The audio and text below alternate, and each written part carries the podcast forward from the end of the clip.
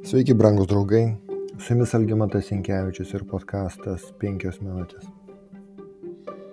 Jei pirmosios trys izraelitų šventės buvo pavasarį, tai kitos trys šventės buvo rudenį. Tos rudens šventės vyko tišri mėnesį pagal lietuvių kalendorių Rusijoje spalio mėnesiais. Pirmosios šventės arba rago gausmo dienos aprašymas randamas dviejose vietose. Kunigų 23 skyriuje nuo 24 eilutės skaitome. Taigi kalbėk Izraelitam, 7 mėnesio pirmą dieną švesite visišką poilsio dieną, šventą sueigą, pažymėto rago skartėjimu. Nedirbsite savo tarnybos darbo, aukosite viešpaties ugninę atnašą. Ir antra vieta tai yra skaičių 29 skyrius nuo pirmos eilutės. Septinto mėnesio pirmą dieną turėsite šventą sueigą. Nedirbsite jokio savo tarnybos darbo.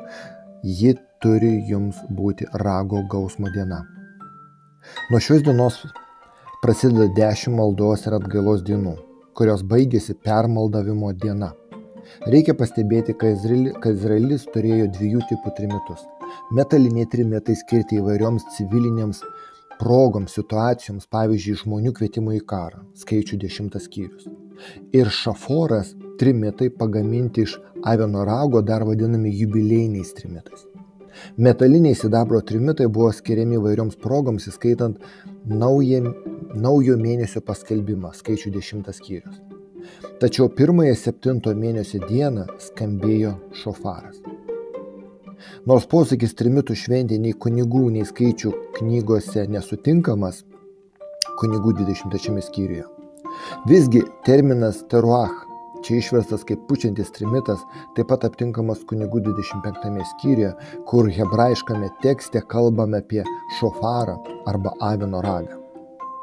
Kai pavasario šventės paska, nerauginta duona ir sėkminės pranašiškai nurodė Jėzaus mirtį, prisikėlimą, žengimą į dangų bei šventosios dvasios išleimą bažnyčioje, rudens šventės taip pat yra perkeltinės, jeigu taip galima pasakyti, išganimo istorijos tesinys. Pirmosios tišri mėnesio dienos šafaro garsas kvietė žmonės ruoštis švenčiausiai metų dienai - Jom Kipur, yra permaldavimo dienai.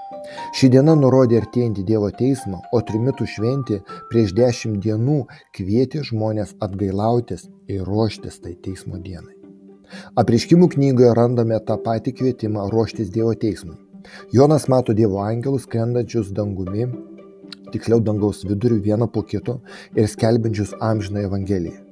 Jų žinia skirta žemės gyven, gyventojams, kiekvienai genčiai, kalbai, visiems žmonėms skaitau apreiškimo 14 nuo 6 iki 11 eilutės.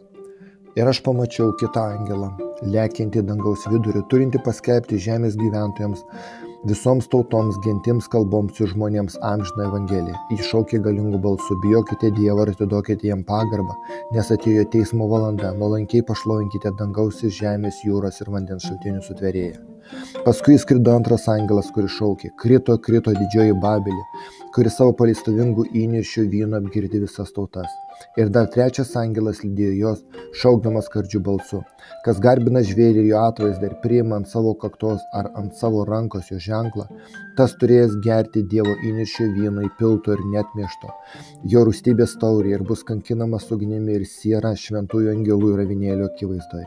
Jų kentėjimų dūmai rūks per amžių amžius ir jie neturės atilsio nei dieną, nei naktį tie, kurie garbina žvėrį bei jo atvaizdą ir ima jo vardo ženklą. Pranašas Amosas sako, tikrai viešpats Dievas nedaro nieko pirmą nepreiškęs savo užmojo savo tarnams pranašams. Trečias skyrius. Ir čia, apriškimo knygoje, mes matome, ką viešpas mums apreiškia apie tai, kas mūsų laukia. Šis įspėjimas liečia jūs ir mane. Dievas perspėja mus apie lemtingiausio gyvenimo sprendimo prieimimo svarbą. Ar mes busime išteisinti, primdami Jėzaus teisumą ir paveldėsime amžinybę, ar mes būsime teisiami, kad atmetėme išganančią Dievo malonę.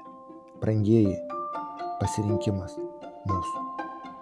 Su jumis buvo penkios minutės ir Algymantas Jankievičius.